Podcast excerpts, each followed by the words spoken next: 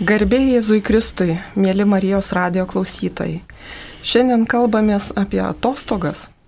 Ši vasara mums neįprasta, visai netokia kaip visos kitos. Visai neseniai buvo karantinas, praužė pandemija, o ji ir dabar dar tęsiasi. Ir tai palėtė ne tik mūsų valstybę, mūsų šalį, bet ir visą pasaulį. Ir štai buvęs karantinas izoliavo žmonės namuose. Vieni džiaugiasi galėdami šiek tiek pailsėti, kad galėjo sustoti, atitrūkti šiek tiek nuo darbų. Kiti labai kentėjo nuo atskirties, bendravimo, nebuvimo. Ir štai dabar vasaros metas vėl kviečia pailsėti, galbūt ir nuo pandemijos baimės, nors vis dar esame perspėjami laikytis visų saugumo reikalavimų. Taigi, kokios atostogos bus šiais metais, ką mes planuojame, kaip kokybiškai pailsėti tokiomis aplinkybėmis. Ar reikia ir galima derinti atostogas ir rekolekcijas? Gal pats tinkamiausias laikas rekolekcijoms yra gavienė, o vasara tai tik atgaiva kūnui? Štai tokiom temom ir tokiais klausimais kalbėsime šioje laidoje. Laidoje dalyvauja kunigas Aldonas Gudaitis. Sveiki. Jezuitas. Taip pat Vilhelmina Raubaitė Mikelioninė, Gyvenimo ir tikėjimo instituto direktorė. Labas rytas. Ir prie mikrofono aš, Vaidilė Šumskinė, Gyvenimo ir tikėjimo instituto dėstytoja. Taigi, Poilsis yra žmogaus fizinių ir dvasinių jėgų atgavimo procesas. Esame labai pratę pasirūpinti savo fizinių jėgų atgavimu, o štai dvasinės jėgas neretai apleidžiame.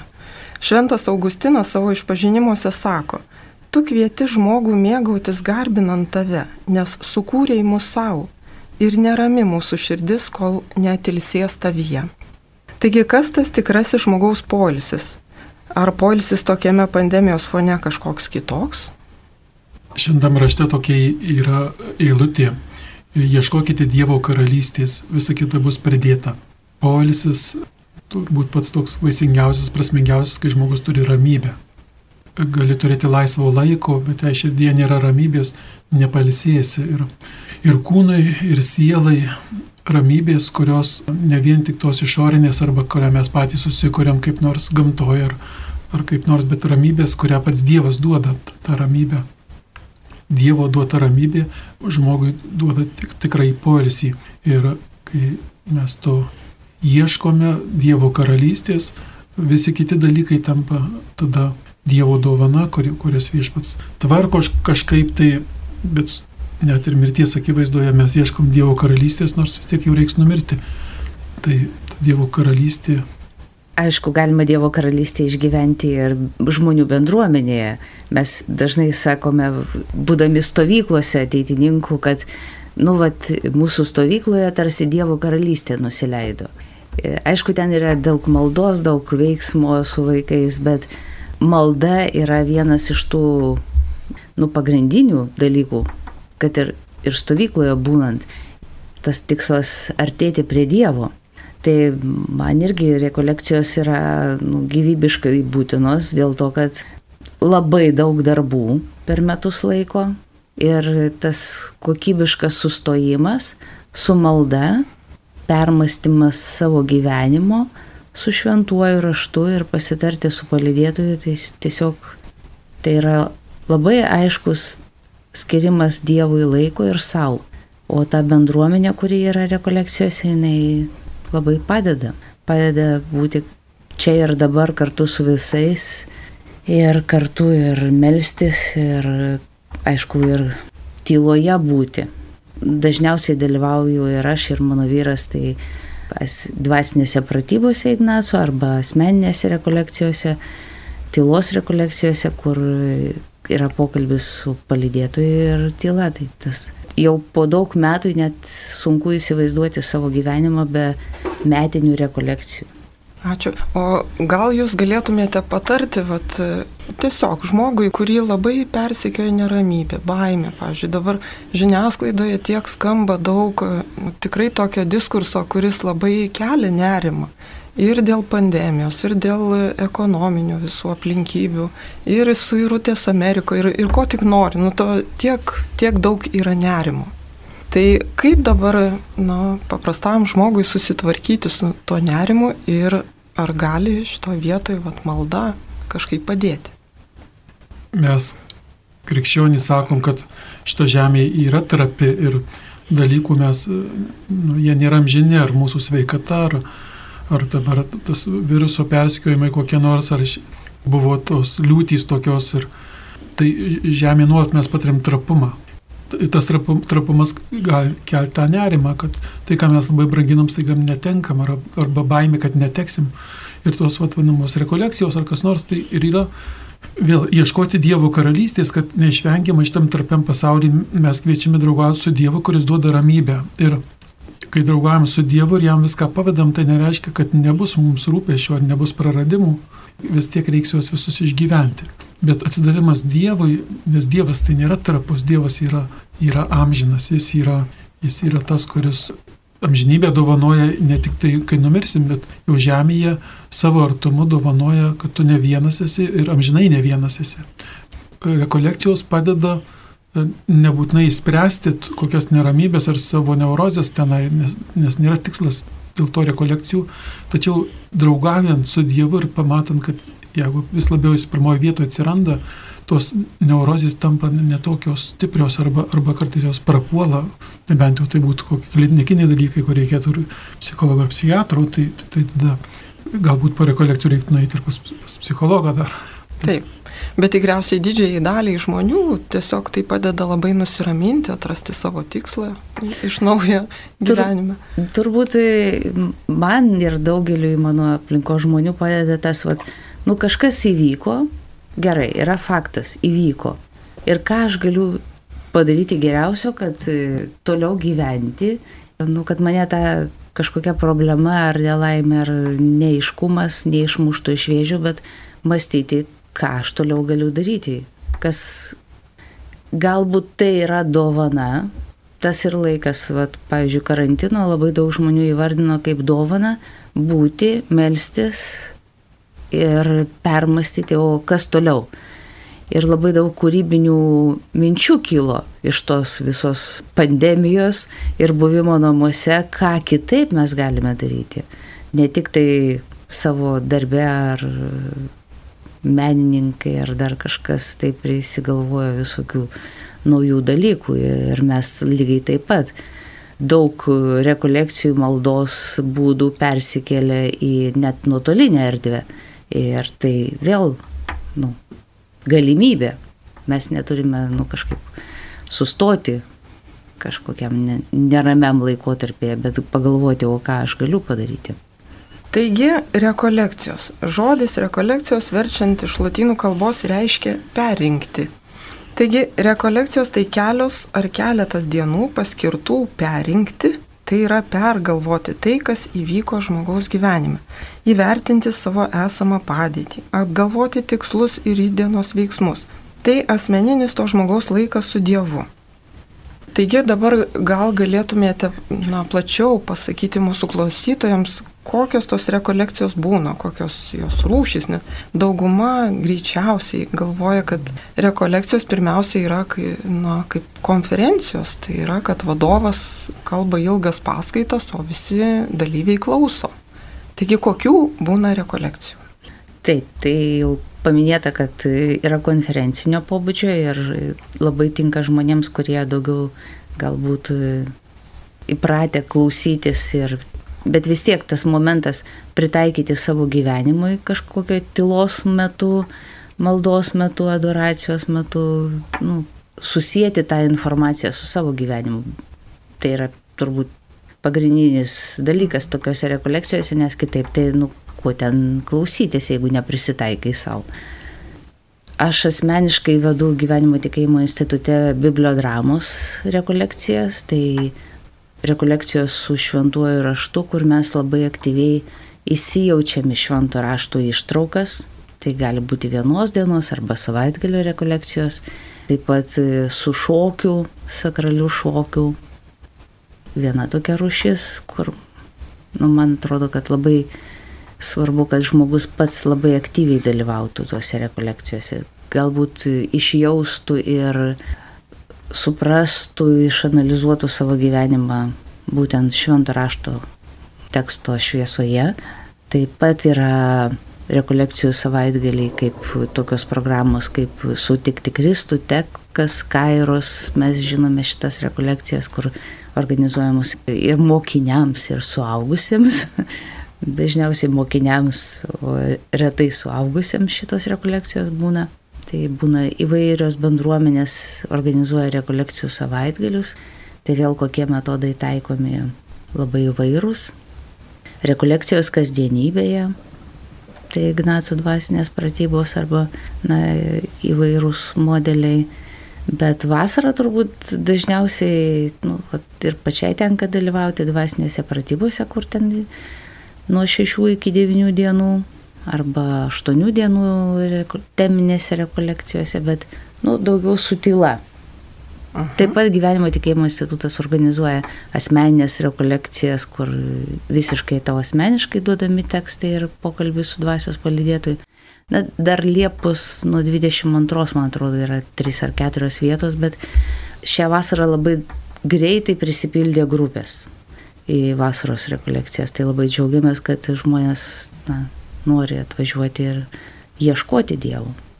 Tai gal tada plačiau aptarkime, kas yra dvasinės pratybos, kuo jos skiriasi nuo įprastų rekolekcijų. Tas dvasinės pratybos terminas labai dažnai tokio švento Ignaco naudojamos, net ta knygelė, kurią jis palikęs apie praktiką maldingą, jis vadinasi Ignaco dvasinės pratybos. Pirmiausia, Ignacas sako, kad e, apie rekolekcijas kalbėti, e, vat, ir dabar mes laidoj bandom perteikti, kas yra rekolekcijos tik kad jūs sudominti, nes rekolekcijas, jeigu nor, nu, vis dėlto nori sužinoti, kas tai yra, tai jas reikia atlikti. Nes e, e, apie jas kalbėti nebent kaip liudyjimą gali sakyti. Ir net tokia dvasinių pratybų knygelėje, jeigu jūs vienas paimtumėt, žmogus norėtų paskaityti tais pratybas, sakytų, nu čia kaip sausa viskas, ką čia su juom daryti. Taip toliau, kai jas atlieki ir pagal tais pratybų patarimus pajunti Dievo malonę, tada pradedi suprasti, pasiskonėti, kas tos, kas tos rekolekcijos. Dvasinės pratybos pagal Ignacijas, taip kaip sako savo knygelį, yra tai, kad dvasinės pratybomis suprantu kiekvieną būdą tirti sąžinę, medituoti, kontempliuoti, melsti žodžiu ir mintimis, bei kitokią dvasinę veiklą, kaip, kaip jau ir toliau bus, būsiu parašęs. Kas vyksta rekolekcijose? Pagrinde yra Dievo malonės veikimas, kurios, kurios mes laukiame tos Dievo malonės. Ignacas sako, kad kai laukiame Dievo malonės, jis gali iš karto ateiti, ką veikiame, laukdami, ką nors veikiame. Ir tai reiškia, atliekam pratybą.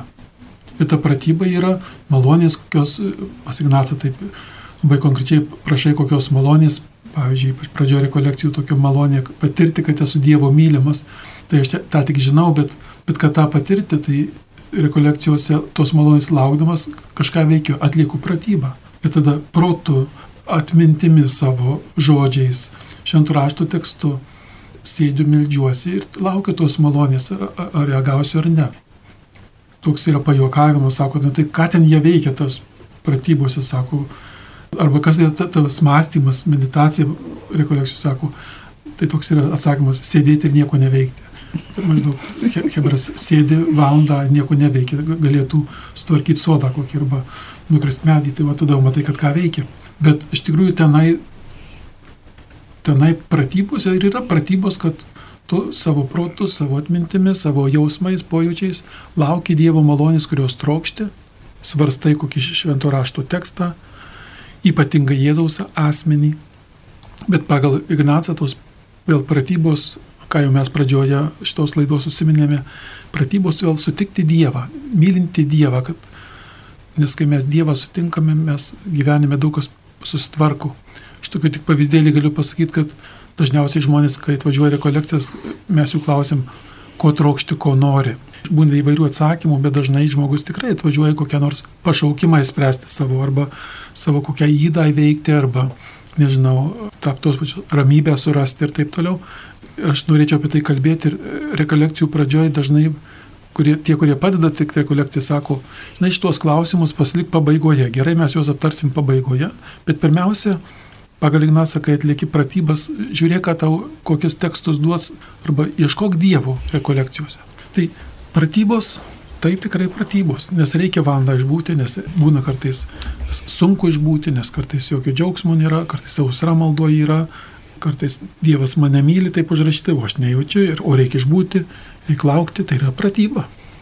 Taip, tai kaip suprantu, tai yra tylos rekolekcijos, ne žmogus atvažiavęs dalyvis, jisai nusiteikia, kad tylės visas tas aštuonias ne dienas ar devynias ir atliks pratybas arba meditacijas.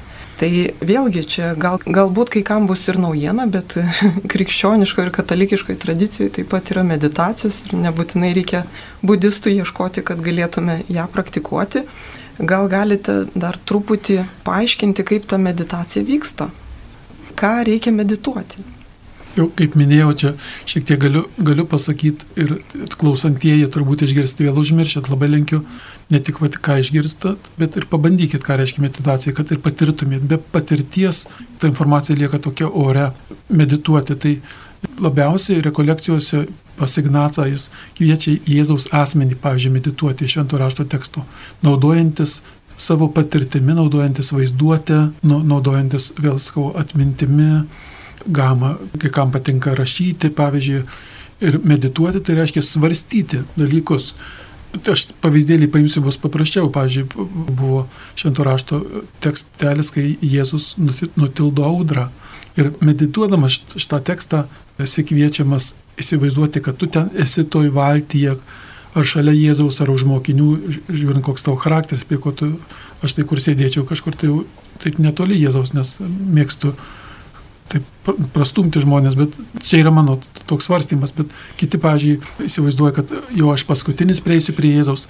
Tai, tai svarstymas su vaizdu arba ką man sako šitos vaizdelis audros mano gyvenimui, mano asmeniam gyvenimui. Ir būtinai, būtinai meditacijoje ne kokį tai vaisių išmastyti ir, ir ten maždaug tokia, vien tik kokią dorybę gauti, bet žiūrėti į Jėzų, ką jis daro, aš tai kartą mąstydama šitą mąstymą, kad Jėzus, pažiūrėjau, valtyje miegojo, kai buvo audra, man atrodo, kad jis, kad ir kai buvo nuvargęs, vis tiek vienakim pasižiūrėdavo, ką veikia paštai, žinai, tie baimės pilni ir taip toliau. Nebūtinai tai buvo šento rašto tekste ar tam įvykyje, bet jau ta, tampa mano asmeninis sutikimas su Jėzumi, su tuo tekstu. Ir tas, kaip sakiau, ne kaip informacija, bet buvimas, pajutimas. Išgirsti, kaip ošia ar tiesiogiai ta, ta, ta, ta, ta jūra, arba mano audra gyvenime kokia yra, kur, kur šiuo metu kokia nors krizė, praradimai, sužinau, kad vėžius ir arba ten kas nors mano audros ir, ir ką Jėzus veikia, kad jis nutildo audrą, taip toliau. Ačiū labai, labai gražus pastebė. Aišku, va, čia yra kalbama apie Ignaco dvasinės pratybas ir meditaciją su šventuoju raštu. Bet mes ir su jaunimu, ir su vyru kartais praktikuojame meditaciją ėjimų einant. Tai pavyzdžiui, irgi yra įvairių būdų eiti pasirinkus kažkokią tai vieną frazę ar vieną žodį, ar iš litanijos, ar iš dar kažkur tai ir tiesiog e, pritaikant tą žodį prie kvėpavimo ir žingsnių, jį kartoti savo mintise. Ir galbūt, nu, pagrindinė tokia mintis, kad e, gal nereikia jo ir apmastyti, bet tiesiog jį priimti ir leisti, kad Dievas veiktų ir tau kažką pasakytų. Ir per tą tokią tylą, tik tai kartuojant vieną žodį arba vieną frazę, keliauti su tuo Dievo žodžiu. Birželio pabaigoje buvo ir stovykloje Berčiūnuose stovyklų vadovų kursų ir mes išėjome į piligriminį žygį. Ir valandą laiko einant keliu, visus kvietėme būti toje tyloje ir kartoti Jėzus širdies litanijos kažkokią tai eilutę mintise. Tai sugrįžus iš to žygio, tai jaunimas sakė, kad tai buvo giliausia patirtis susitikimo su Dievu. Ir vėl mes mokėmės krikščioniškos meditacijos, kur visiškai tyloje sėdint, kartojant vieną žodį mintise, kad tas žodis padėtų būti čia ir dabar. Tai nebūtinai apmastyti, bet tiesiog leisti, kad Dievas veiktų manyje. Ir vėl buvo daug žmonių nustebusių, kad ką krikščionybėje irgi yra meditacija. Nes vėl, nu, jie yra poreikis, yra ieškojimas ir mes galime išmokti tos meditacijos ir ją taikyti kasdienybėje, kasdieniniai maldoj. Tai ir Dievo motinos komandose yra siūloma ta tylos malda kasdienybėje. Jūs galite nuvažiuoti, nežinau, pas benediktinus, palendriuose ar įvairios bendruomenės, vienuolijos irgi rengia rekolekcijas, kur galime išmokti įvairių maldos būdų. Nepasilikti vien prie rožinio, kuris yra taip labai gerai.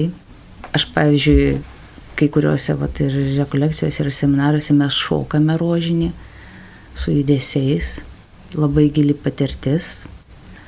Išgyvenant judesiu kiekvieną žodį, gal kažkam bus ir keista išgirsti, bet kas pabando, tai nu, supranta, apie ką eina kalba. Vat, kaip ir kunigas Aldonas sakė, mes daug kalbame apie meditaciją arba rekolekcijas, bet reikia pabandyti skirti tą laiką savo ir Dievui.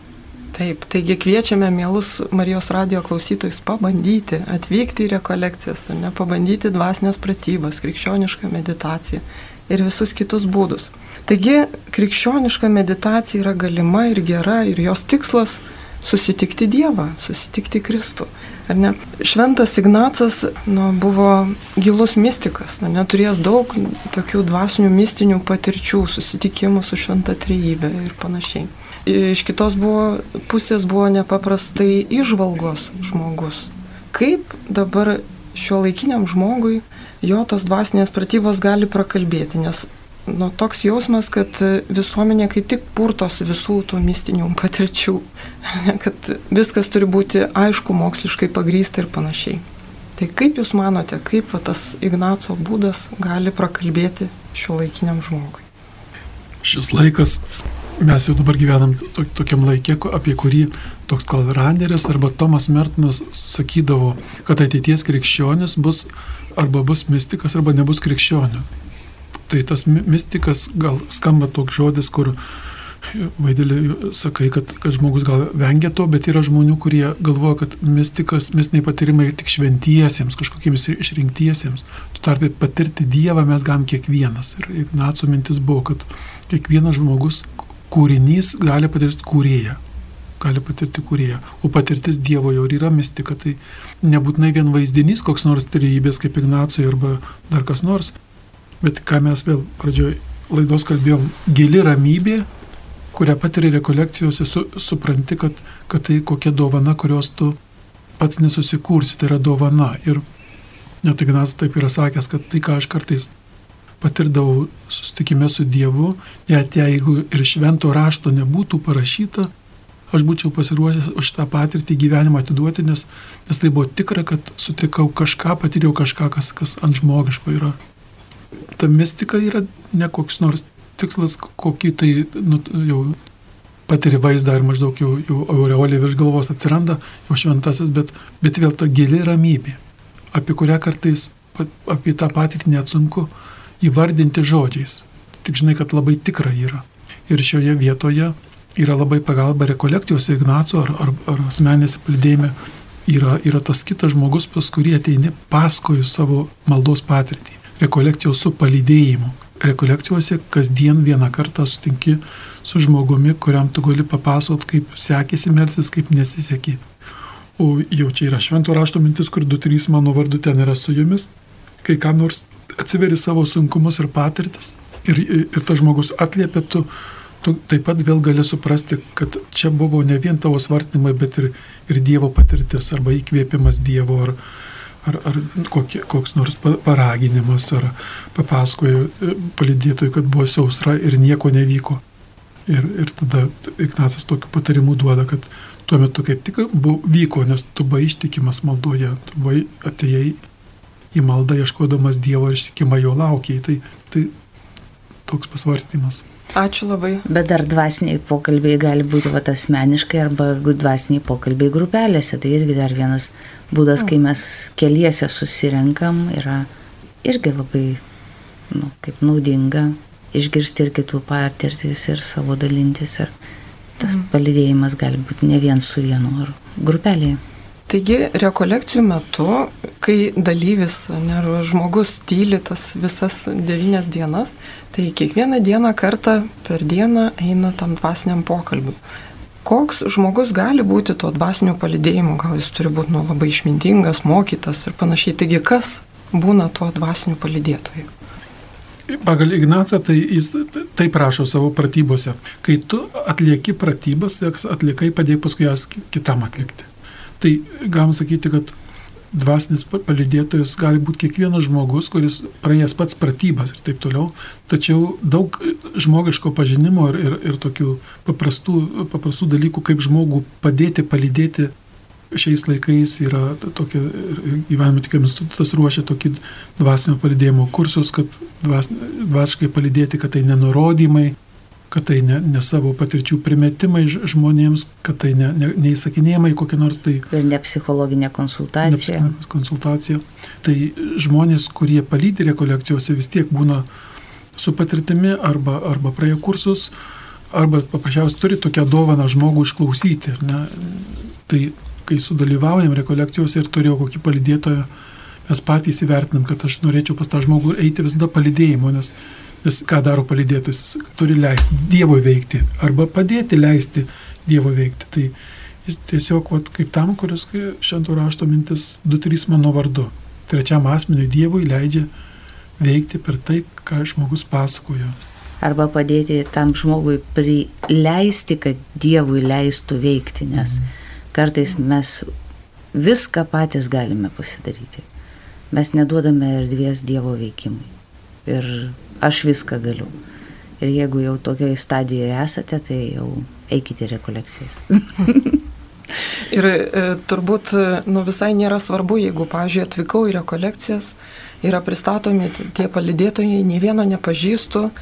Ir nebūtinai turbūt turi būtinai bėgti pas kunigą, galbūt kuri nors moteris pasaulietė gali lygiai taip pat gerai padėti. Ne ką daryti, jeigu va, ne vieno nepažįstu, nežinau, ką dabar man čia.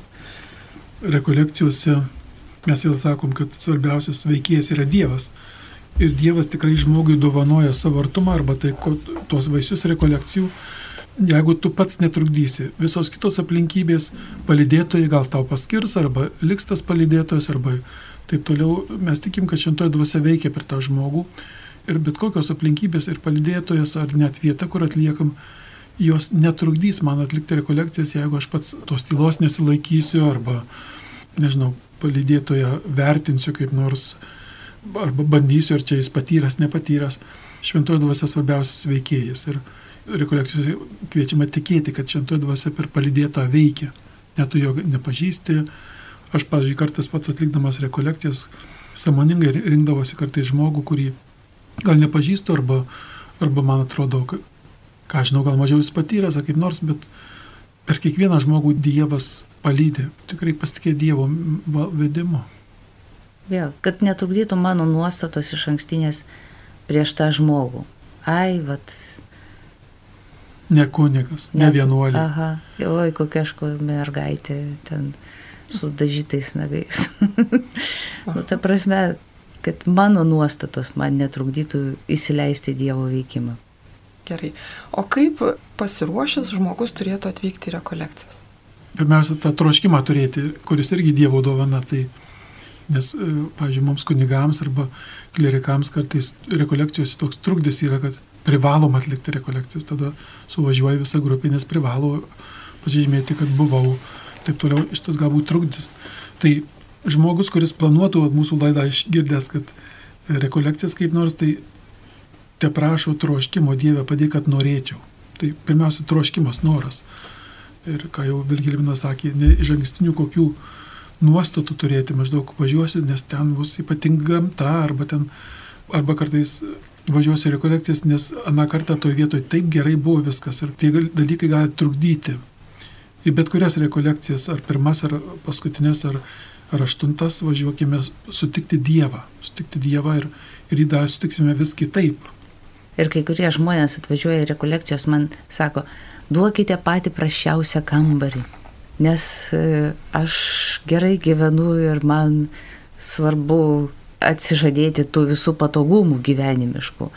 Tai vėl yra kažkokia tai auka. Aišku, yra smagu atlikti rekolekcijas prie kokio nors ežero, ten prie jūros, gamtoj, bet e, kartais tai gali būti iš tikrųjų trukdys arba pagalba, bet labai daug priklauso nuo manęs. Aš gal dar norėčiau pasakyti, vad kur rasti rekolekcijas.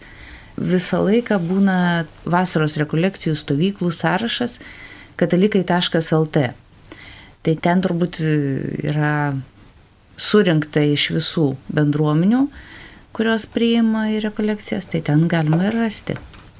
Taip, ačiū labai. Taigi kviečiame, mėly Marijos radio klausytojai, važiuoti, ieškoti. Ieškoti pirmiausia rekolekcijų tų, kurios jums tinka, kurios jums kalba, kurios padeda susitikti Dievą. Taigi aplankykite įvairių vienolyjų tinklalapius, aplankykite guronių rekolekcijų namų tinklalapį, gyvenimo tikėjimo instituto tinklalapį ir tą jau minėtą į katalikai.lt ir atvykite į rekolekciją susitikti su Dievu. Arba eikite į piligriminį žygį, nes dabar mes turime tą kelią Santiago de Compostelos lietuvišką variantą.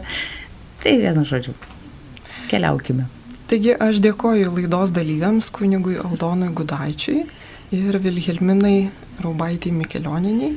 Ačiū Jums.